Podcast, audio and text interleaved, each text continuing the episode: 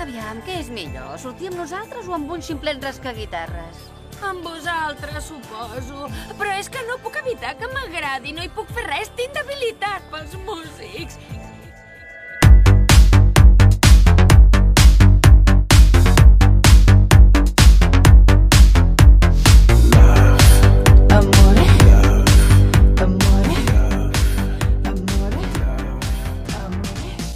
Hola, benvingudes i benvinguts al Panorama, aquell podcast on parlem amb els i les artistes que s'estan fent un bon lloc a les vostres i també a les nostres llistes de reproducció.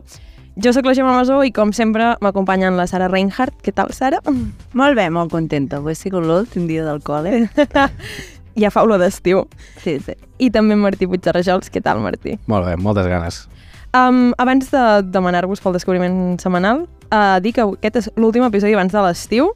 Fugim de la calor de Barcelona i tornem al setembre, però tornem, o sigui que... Sí. Potser hi haurà un especial, però... Bueno, clar, és que pel mig tenim Isar Fest, perquè important, que si no ho sabeu, ja esteu anant a xarxes i aquestes coses i heu de venir. Però s'ha de treballar durant l'estiu per això i, per tant, hem de fer un peron. I també volem tenir vacances. Dit això, callo i us demano què tal, quin descobriment musical heu fet aquesta setmana? Mm, Dispares tu, Sara? Vale, va. Jo aquesta setmana crec que tothom l'ha escoltat i qui no l'ha escoltat malament.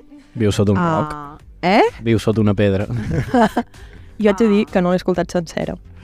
Gemma! Perdó. A la platja de Stay Homes i The Tigers. Ostres, és que he escoltat, està bé, és cançó de l'estiu. Jo, jo he volgut tirar una mica diferent per no seguir la mateixa línia i he posat Sexo en la playa de la Liz i la Maya, que també, també l'he trobat. Està guai. Bueno, que la, de fet vam comentar-ho la setmana passada, a l'últim episodi amb Galgo, de que havia de sortir, i vam Sí, dir, a sí, veure sí. què sortirà. I realment, I- guai. sí. De fet, també vam comentar que També vam comentar, és veritat, total. Ah, sí. I molt malament no heu comentat uh, Figaflaues amb Xavi Gavaldà, És que jo no Pets. escoltat. L'he- l'he- Fort també el crossover aquest. Eh, He, he estat, precisament estava amb el Dren amb la sèrie i he dit, quina poso? La dels, ta... Ai, la dels Flowers o, o la de la Liz? I al final dic, va, tirem per la Liz, que la... I, i... però sí, estava allà, estava Fort, allà. fort. Estava allà. Bueno, va, sense més ni més, comencem. Benvingudes i benvinguts al Panorama.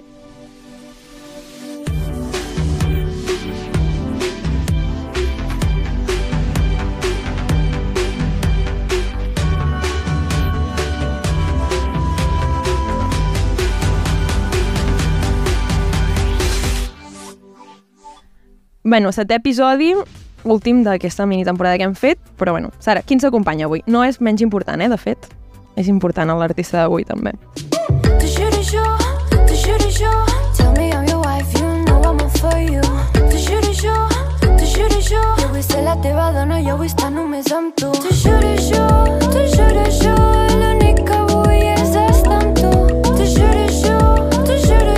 Bé, doncs avui en el panorama ens acompanya l'Artur Vinyes, conegut com Soc un Bohemio, i bueno, el seu projecte musical és una mescla de pop amb folk i una mica d'indie, amb unes melodies i lletres molt íntimes i alhora busquen transmetre una certa tendresa. Soc un Bohemio va néixer com un projecte individual i durant la pandèmia va publicar el seu primer disc, Les coses que no et diré mai, el qual va ser l'inici de tot. Amb aquest va ser quan el cantautor va veure que als oients els hi agradava el que feia. En la seva darrera publicació, l'Artur va decidir obrir el seu projecte de manera que s'ha acabat ajuntant amb grans artistes de l'escena catalana com en Biel Colomer, el guitarrista de Massa Viu, entre d'altres. Així doncs, al març va publicar el seu últim disc, uh, Contes de les quatre estacions. Aquest està format per quatre cançons publicades anteriorment, que són els quatre contes passats, passant per la primavera, a l'estiu, la tardor i l'hivern. I entre conte i conte s'intercalen diferents temes als quals narren una història d'amor. Una història d'amor No de mort. que no funciona. Uh, en aquest nou disc podem veure una gran evolució de l'artista i en clares influències dels seus grans referents, que són com ara els Manels, la iaia Antonio Font, entre d'altres. I res, avui en el panorama tenim moltes ganes de saber més sobre aquest projecte tan xulo de l'Artur. Mare meva, s'acosta el moment de fer riquití.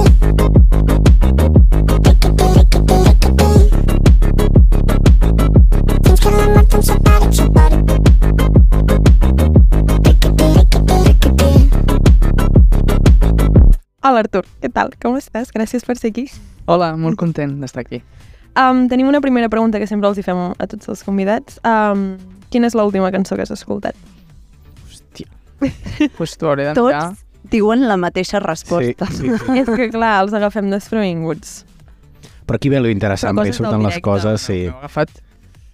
És que no s'hi val perquè no l'he escoltat. Realment, l'última cançó que he escoltat, de veritat, és de Beach House, la, una cançó que tenen que ara no em carga, però és una cançó de Beach House. Són sintetitzadors. Això, Space Song. Mm. Veus? Molt bé. Sempre, sempre hem de dir que hem de fer una escoltada, eh? Sí, i no ho que- acabem fent mai, però No, hem de jo- fer una playlist eh, o alguna rotllo amb totes les cançons. I jo la Calvo que va dir l'altre dia ho vaig fer. I què tal? Bé. Uf, vaig flipar, eh? Una cosa molt... Sí? Sí, d'aquelles rares que m'agraden a mi. Bueno, Sí, doncs sí. et tocarà escoltar aquesta Us també. galgo, també. Sí, sí, sí. Vale, bueno, seguim. um, com neix Soc un bohemio? També primera pregunta una mica obligatòria. Doncs neix de la meva habitació i d'una mica de voler passar l'estona i, i, de, i, de, i de ja està, perquè al final tampoc hi havia cap, cap obje- objectiu d'anar cap, a, cap enlloc i ha estat una mica el projecte mateix que ha tirat de, de la situació i a poc a poc doncs, m'ha demanat més temps i més implicació i no sé com, però hem acabat on estem ara que, joder, vull dir, és la meitat de la meva vida, quasi. Um, I et volia demanar, perquè els dos primers uh, singles que treus sí que són en castellà, però sí que quan agafes més volada és amb el disc que comentava la Sara de les coses que no et diré mai. No sé si al principi pensaves fer a- algo més cançons en castellà o si simplement no et va sortir així. O sigui, clar, també al principi estava intentant trobar el meu estil, llavors em, tirava una mica de, de referents. En aquella època escoltava molt El niño de la hipoteca i pues, vaig tirar. Vull dir, al final tires una miqueta de, de lo que escoltes. També vaig fer un àlbum que vaig esborrar, per sort, en anglès. Vull dir que al final he anat provant moltes coses abans de que em sortin les coses bé. Finalment vaig trobar un espai i un, com una manera de fer que, que vaig trobar-m'hi còmode, que vaig veure que em funcionava, que, que, que em donava per, per bastant i, i és on m'he quedat. Evidentment, em, intento sempre innovar i com sortir de la meva zona de confort, però crec que, que més o menys ho vaig trobar justament en, el, en aquest EP Les coses que no et diré mai, és quan tot va començar de veritat una miqueta a tenir més direcció. Uh -huh. Perquè com descriuries el teu estil musical durant aquests anys?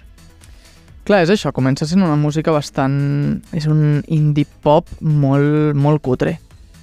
I, i es va una mica sofisticant amb el, amb el temps i doncs això, acaba explorant una miqueta més ja el pop electrònic, però res, molt, molt sutil tot. Però sí, un indie pop suau i, i vull dir amb pocs recursos. Ei, I ara parlaves del Niño de la hipoteca, no sé quins són els teus referents musicals que t'han inspirat potser en la teva carrera. Doncs els que heu dit abans em, és això, la iaia, Manel, em, Antònia Font i després també doncs, de manera internacional, doncs jo que sé, els Strokes.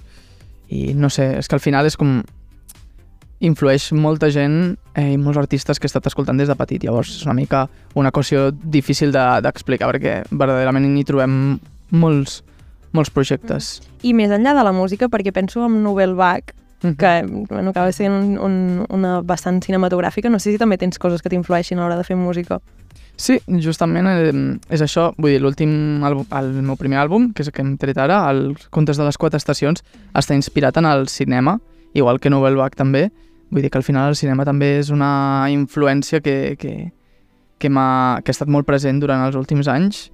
I és això, vaig començar fent Novel Bach, que era una petita pinzellada, encara una miqueta, i ja després Contes de les quatre estacions està inspirat en un cicle de pel·lícules d'un director francès que es diu Eric Romer i, i vull dir, ja, això ja era molt concret, era com, vale, ara sí, estic a tope amb el cine francès, vale. Sí, sí. I um, t'ha ajudat també a construir, per- perquè penso en els videoclips de, del el conte de les quatre estacions, que vull dir, realment és que literalment és una història, vull dir, podries, Mhm. els vas mirant seguits i Mm -hmm. no sé si també has tingut la idea una mica de qui ha begut. Sí, al final també jo no vaig tenir... Um, jo en els videoclips no hi vaig intervenir uh, molt, jo sí que vaig una mica tirar la, el que seria la, la llavor inicial i després jo sí que vaig donar molta llibertat al Marc Esquirol, que va ser el director dels, dels videoclips. Jo sí que vaig donar aquesta llavor de que m'agradaria que fos una història, que es anés entenent a, a través dels diferents videolírics i videoclips i evidentment el Marc Esquirol em, ens vam entendre bé perquè li agrada un tipus de cinema que a mi també m'agrada molt, llavors vam estar bastant còmodes amb, amb, amb la proposta i vull dir, ens vam entendre bastant bé. Sí, sí. Són molt guais, vull dir, realment l'estètica i tot és xulíssima. I com és el teu procés creatiu una mica? Com construeixes les cançons? Doncs, aviam, la veritat és que no tinc un mètode infal·lible. No, no, no el tinc. Em, soc una mica dispers, però sí que és veritat que en general segueixo una regla de primer busco uns acords, després començo una lletra, però moltes vegades és bastant deixar-me portar perquè comences una lletra i tampoc saps molt bé què, què vols explicar, ni quin mood tindrà la cançó, ni la producció, ni res. Llavors vaig, la veritat és que vaig fent bastant. Vull dir, tiro cap endavant i ai, mira, podria parlar d'això, vale, doncs anem a tirar per aquesta banda i la producció podria ser d'aquest rotllo perquè també pega i és com es va construint tot a poc a poc en base a això, a la melodia i a les primeres pinzellades de lletra que surten. I, I tot ho cuines tu sol, diguéssim, en els inicis? Clar, en els inicis sí. Jo, de, de fet, el, el productor, el Biel Colomer, li porto les coses bastant elaborades. O sigui, té poca, té poca maniobra. Sí que és veritat que jo produeixo, estic millorant, però produeixo, bueno, normal. No, no sóc el, el rei de, en fi, de la producció i aleshores ell és més l'encarregat d'una mica posar tot a- al seu lloc, eh, agafar les idees que, que he tingut i elevar-les i que sonin. Però la feina del productor. a nivell de producció, clar, sóc jo el que verdaderament pues, tinc les idees més concretes de vull aquesta línia de cinte, vull aquesta cosa aquí i tal, em, una mica l'estructura, tot això sí que ho faig, ho faig jo i de fet és bastant guai escoltar les demos de les cançons perquè veus una mica com, com van canviant. Sí, la- l'evolució. Sí. Mhm. I passant més a contes de les quatre estacions, um, que és el que apuntava la Sara, que primer treus conte, conte de primavera, que surt, veu la llum al maig del 2021, després és conte d'estiu, que és a l'agost del mateix any, conte de tardor al novembre i conte d'hivern al febrer del 2022. No sé si quan vas començar a cuinar aquests temes ja hi havia la intenció de fer un àlbum, si s'havien de quedar només amb aquests quatre... No, no, és que de fet, vull dir, van començar sent un conte que no era ni el de conte de primavera, crec que era conte d'hivern, el primer de tots que vaig fer, i, i va, es va anar fent una miqueta a poc a poc. Després vaig ja, doncs mira, puc fer també conte de primavera, conte de tal, llavors vaig dir, vale, doncs faig els quatre contes ja. I després de tenir els quatre contes jo havia anat fent més cançons i clar, em vaig adonar que totes estaven una mica dins d'un mateix imaginari, que totes formaven un pack molt complet i, i que era evident que jo era un àlbum. I, i és com ho vam al final, ho, ho vam fer així, vull dir. Vam treure els, les quatre cançons cada una a la seva estació i, i després vam donar una mica més de temps de descans i vam treure tot l'àlbum amb, amb totes les cançons. Perquè ha canviat molt, el, o sigui, el Contes de les quatre estacions és el teu treball més llarg, vull dir, és un àlbum, fins ara havies fet EPs, no sé si ha canviat molt també el procés creatiu de crear una narrativa més llarga... O sigui, clar, sí que va, ha estat un procés molt més llarg, també molt més meditat i també que l'hem gaudit molt, jo, jo he après un muntó, vull dir, clar, l'EP que vaig treure, el de les coses que no et diré mai, va ser un procés molt més marrano, eh, de fet a la meva habitació, ho vaig exportar i ho vaig penjar i no ho vaig ensenyar a ningú i, i va ser una mica sense pensar i em vaig fer jo la portada i vaig fer tot jo. I clar, en aquest àlbum sí que ha sigut un procés com molt, molt més complicat i a la vegada molt més maco perquè han intervingut moltes persones, ha tingut un procés de, de preparació molt lent, vull dir, un foc lent molt lent. I, I vull dir, sí, ha sigut un procés molt diferent i també és això, he après a gaudir molt perquè moltes vegades hi ha aquesta pressa de tinc aquesta cançó, la, la vull treure ja. Ja. I verdaderament eh, fer una cançó, produir-la, eh, mesclar-la, tot això és una cosa molt maca. Com cada part del procés verdaderament la pots gaudir molt. I per si algú encara no ho ha escoltat, què hi trobem a Contes de les quatre estacions? Doncs hi trobem, aviam, al final parlo una mica de, de la impossibilitat de donar forma a l'amor. I parteix d'una història, o intenta explicar una història, però al final cada cançó és una història diferent. Llavors, és com que l'àlbum va explicant una atmosfera i que quantifiques doncs, una miqueta ja és difícil una miqueta sortir i et va portant per, per diferents llocs, però al final te, te n'acabes adonant doncs, de- d'aquesta impossibilitat de, de construir aquesta història que t'estan intentant explicar. I al final la història es va trencant i fins a l'última cançó. I és una melancolia que, que fot una mica de, de mal. Segueix una mica com... O sigui, hi ha sempre en, en literatura sobretot el símil de com que les relacions tenen com les fases de les estacions literal, de, Mm. no sé si també la idea és una mica aquesta que a la primavera tot floreix i Home, després a l'hivern, el fred... Clar, clar, jo també vaig jugar una miqueta a lo fàcil, vull dir, les quatre estacions ja em donaven el joc quasi muntat Mm. i era una mica, doncs, a la primavera em donarem una mica aquest naixement, eh, el que comenci tot, a l'estiu és com una mica, doncs, aquest, la, doncs això, lo, la, la millor part de totes i després ja a la tardor comença, doncs, una mica a nyiguinyago i a l'hivern, doncs vinga, ja està. Se acabó. Vull dir, estava bastant cantat, la veritat. I hi ha algun punt eh, autobiogràfic o és més tot una narrativa de ficció? evidentment hi ha parts de, de mi i parts de, de ficció. Al final és una mica un joc de d'anar ficant parts de mi i també doncs, de construir-ne i d'imaginar-ne i, i també de, vull dir, em, de formar una miqueta les coses. Mhm. I, però sí, vull dir, sí que podem trobar moltes coses que, que, són, que són jo, directament. I, eh, curiositat totalment personal, hi ha alguna cançó que et costés més d'escriure o alguna cançó que diguis, uau, aquesta és que m'encanta com em va quedar... Home, sí, hi ha, hi ha algunes que, que me les estimo molt i que també són les més doloroses, jo que sé, La forastera és molt trista i parla de la mort, eh, també, jo que sé, Les coses que no m'agraden de tu és una cançó que uh, no em va costar gens, però a la vegada pair-la, o sigui, hi ha moltes vegades que escrius una cançó i no saps ni el que has escrit i és amb el temps una mica que la vaig pair i vaig dir, hòstia, estic dient una cosa dureta, en plan, que, que l'amor potser, no, saps, com amb el temps es trenca sí o sí, i vull dir, no sé, bueno. Vull dir que a vegades les cançons no són difícils en el principi i ho són després de gestionar-les. Sí, sí. No, a mi m'agrada molt uh, aquesta. et, to et toca dins una toca, mica. Toca, toca dins, toca dins. Um, I passant una mica més com a la teva carrera uh, professional, si no vaig errada, vas fitxar per Vida Records um, fa relativament poc, bueno, enmig de construir aquest àlbum. Correcte. No sé com va ser aquest procés de passar de ser tu sol a tenir com un, un recolzament més gros a darrere. Al principi va ser una mica aterrador, perquè jo era super negacionista de, de les discogràfiques. Era de, no, jo m'ho faig tot, jo m'ho puc fer tot, saps? I, i al final te n'adones que no pots fer tot. I que moltes vegades delegar la, la feina a gent que es dedica a certes coses, doncs, eh, pot fer-te el camí molt, molt més fàcil i al final també em vaig fixar un objectiu que era professionalitzar el projecte i que la gent que hi treballés en el projecte poguessin estar a gust, no fos un espai com precari que desgastés. Mm. I, i aleshores doncs, va ser buscar aquesta professionalització, un espai doncs, una mica més seriós, que cadascú tingui la seva tasca i, i doncs, evidentment la discogràfica tenia aquí el, el seu lloc i a poc a poquet, perquè també la discogràfica em van deixar tot l'espai que vaig demanar, perquè ells ja em van veure que estava una mica... Doncs vam començar amb un management, em acompanyaven als concerts i després jo ja vaig ser jo que els hi vaig anar i els hi vaig dir pues, vull treure l'àlbum amb vosaltres, vull que surti bé, vull fer-ho bé, bàsicament. I, I la veritat és que estic molt content, vull dir, soc una mica el nen mimat de la discogràfica, no em puc queixar. No, no.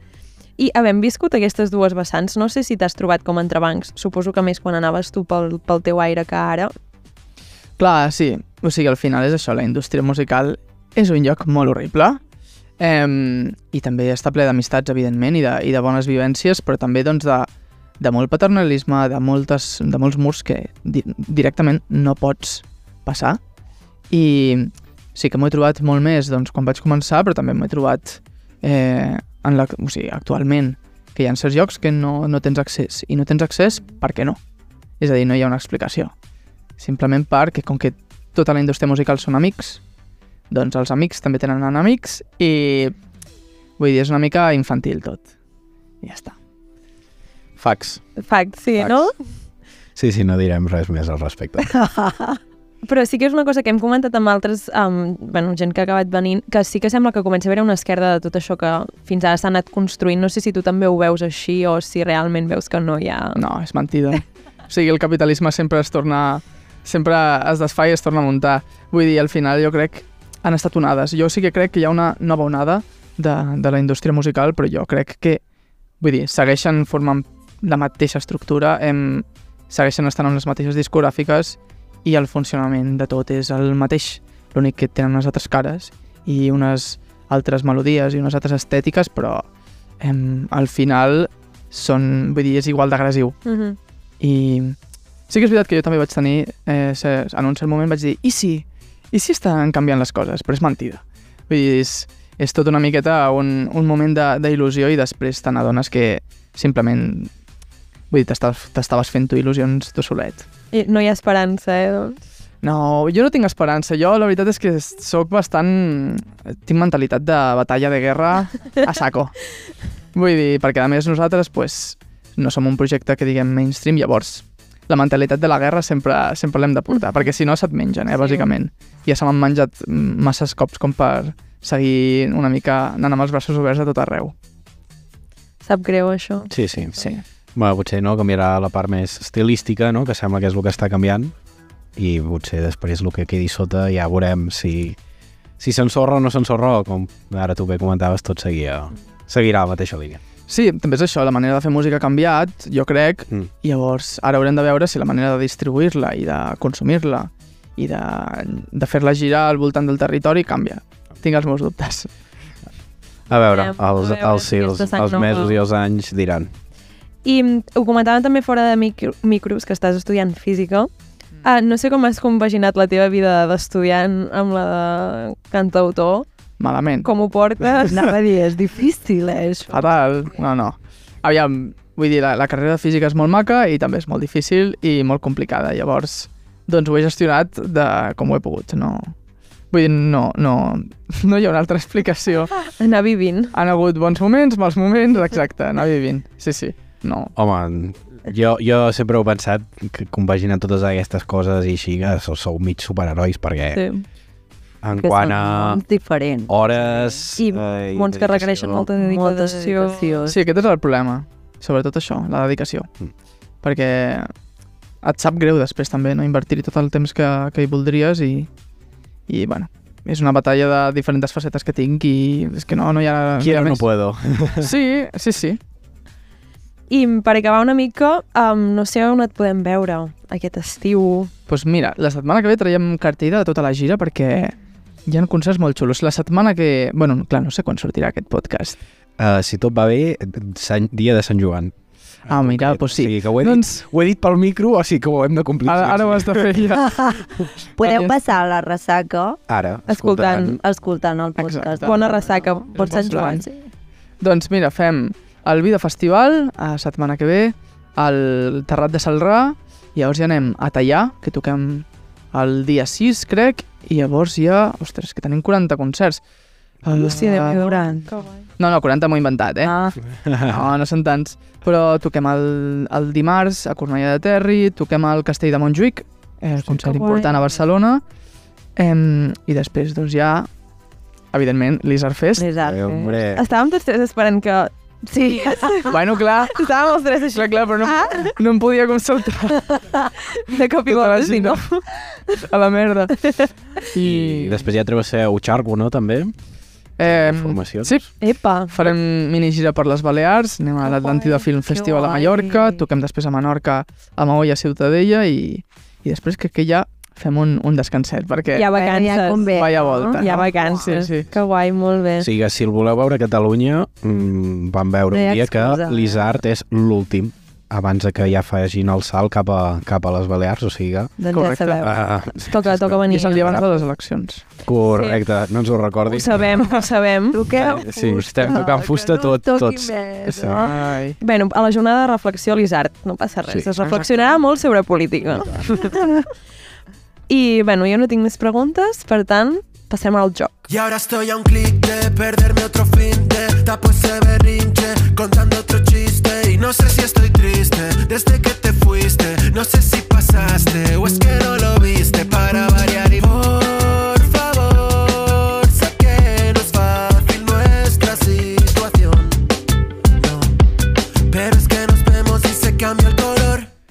Bueno, doncs anem a veure, Artur, eh, com se't don uh, les lletres de les cançons i la indústria catalana. Uh, bueno, bàsicament fem 5 cèntims, res, només et llegirem de tres cançons diferents, els versos d'aquestes. Tenim opcions que la gent se, se n'estan sortint massa bé i hi ha gent que fins i tot no els hi donem, ja les encerta.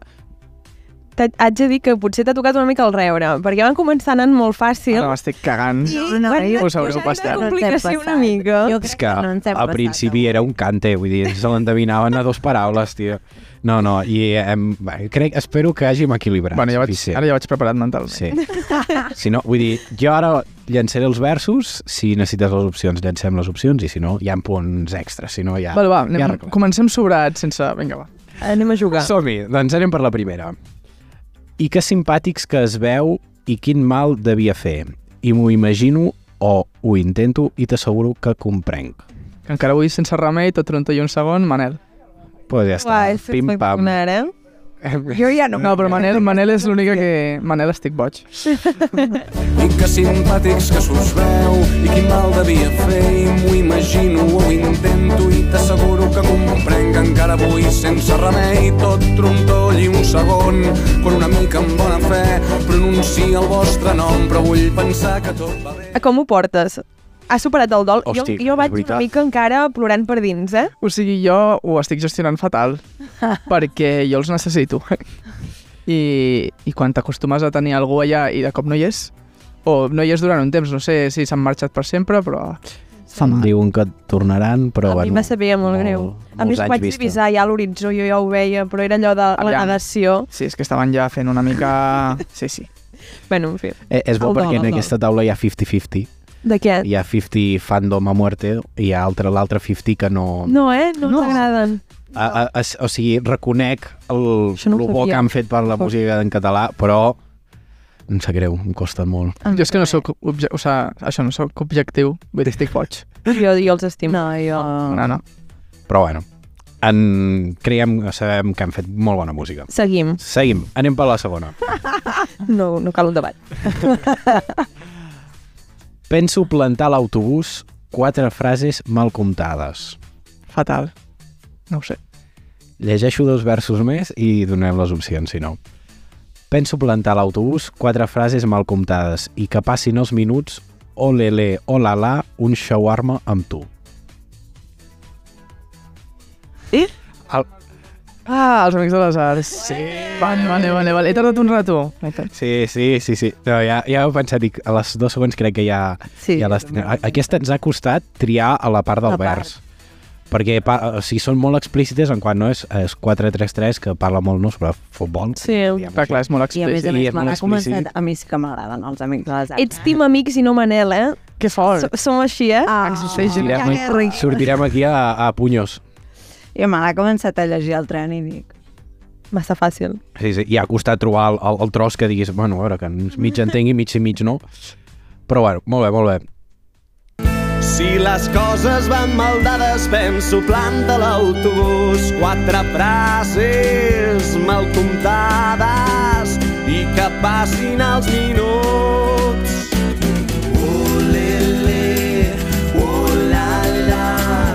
Un shawarma amb tu és el millor que hi ha. Anem per l'última, doncs. Llum fascinant m'il·lumina i me fa mal i ja és demà.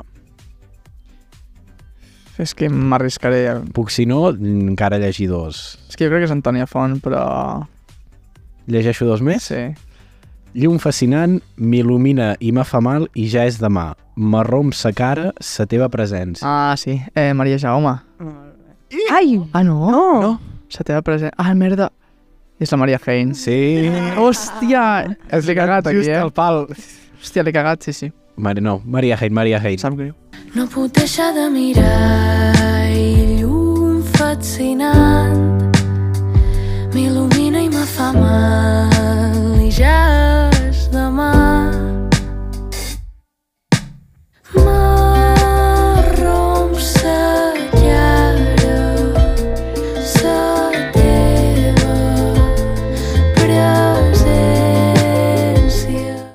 Bueno, no, però Bé, bé. anar per la línia és dir... Sí, sí, Molt gros. bé. Ja, ja. Aquesta va... Us heu portat bé, molt bé. Sí, ens hem... Bueno, Martí, què ha passat de nou al món? M'he posat de tot el mòbil, el soroll que fan les copes, així no es distingeixen si em volen trucar, si em volen trucar. Tiro el mòbil per la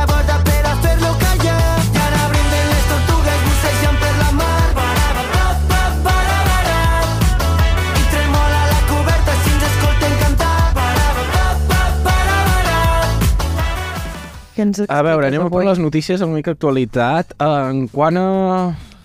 Catalunya està una miqueta tranquil·la, tot i que hi ha hagut, com ja hem parlat a, a l'inici per no repetir-nos, llançaments una miqueta no esperats de cançons de l'estiu, a part de la que ha sortit avui mateix a la matinada de, amb Bizarrap i en Raúl Alejandro, que ja veurem si igualarà l- la d'en Quevedo. Sí, però a mi em van fotre tot el bolo per Twitter de que era amb la Batllal.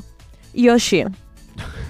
No, la Bat Guial ha tret remix de Sí. Chulo amb Tokisha i la també. Amico. Però a mi em va sortir la caràtula, rotllo de les sessions del Biza, amb la Batllal. I jo, És que- com histèrica perduda, de... no pot ser. Ibiza jo crec que té un magatzem de sessions fetes amb tot Déu, perquè també fa temps es parlava la d'en Tangana, i quan li ve bé les Ah, sí? treu. Això Però és que aquest tio també es fa esperar molt, no? Sí. Vull dir, Bé, jo crec que fa i va a lo que sap que funcionarà en aquell moment. Vull dir, les de la Shakira es van calcular al moment.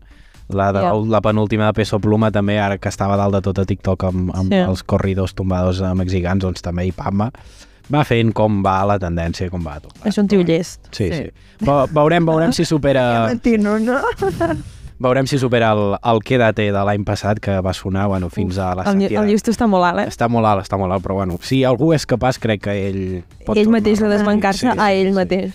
Uh, però bueno, anem, anem per, lo que, per lo que toca, per aquí. Um, abans d'ahir uh, ja es va ser anunciat doncs, el 50è, la 50a edició del Mercat de Música Viva de Vic. Uh, Cinquantena? 35a, i ui, Anava m'he a dir, passat, ui, ui, fatal, fatal. 35a, perdona, sí, sí, del mercat, eh, on bueno, trobem molts, molts noms reconeguts a la indústria, des de Boom Boom Fighters, Boye, Clara Peia, uh, The Tiets, uh, Julieta, entre moltíssims d'altres grups molt més petits que, que de, de, el que tracta el mercat, no? de, de descobrir doncs, nous artistes, nous talents dins l'indústria catalana i que se celebrarà doncs, del 13 al 16 de setembre A on? a, a Vic, per suposat, que ho tenim al costat de casa i segurament eh? Sí, avui estic a tope. Bueno. Sento sento l'estiu ja, perdó. eh, que des de l'Isar doncs, també també hi assistirem com a, com a professionals i, i res, que segurament ens veurem per allà i alguna actuació. És també. molt guai, música viva. Sí. Sí. I els anys que hi he anat m'ho he passat molt bé, és molt xulo.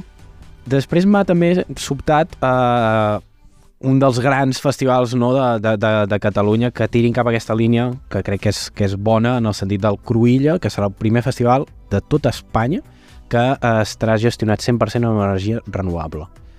Uau, com els concerts de Coldplay o... Sí, o no? sí.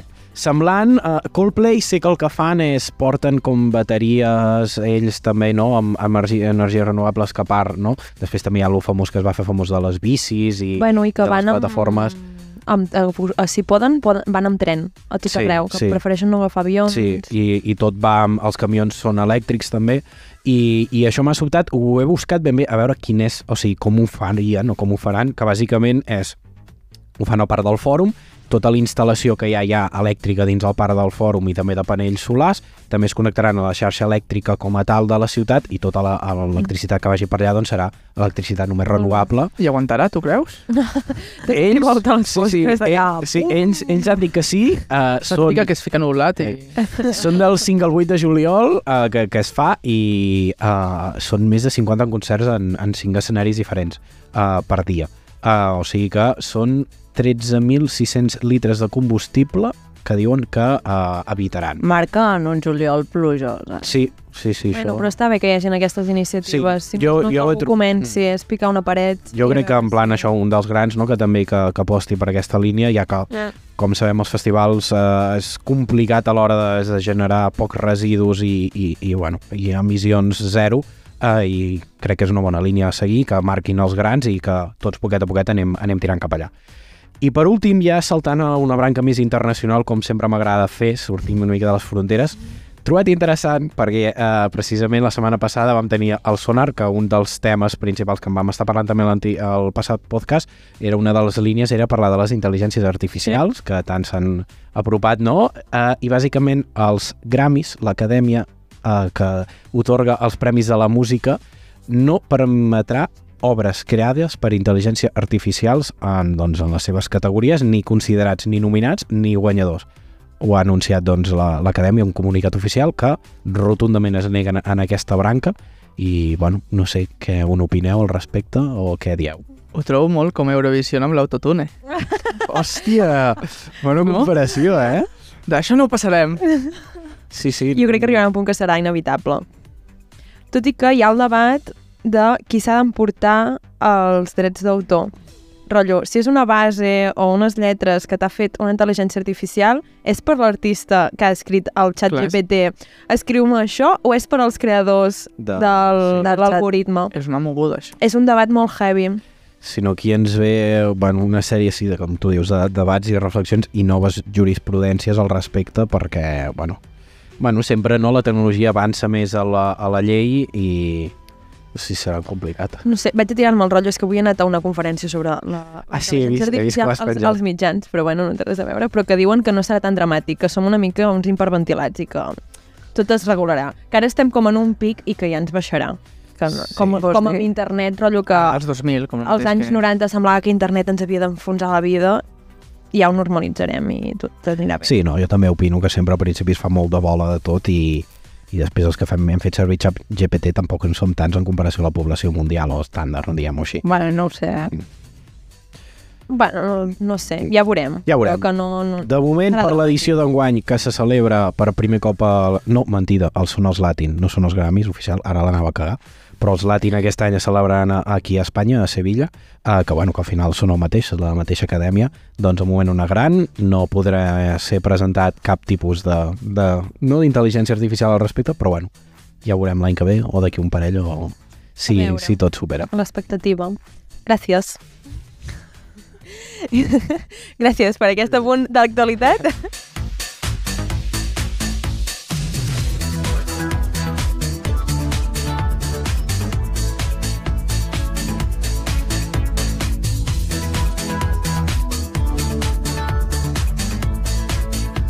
Um, estic super dispersa, perdó.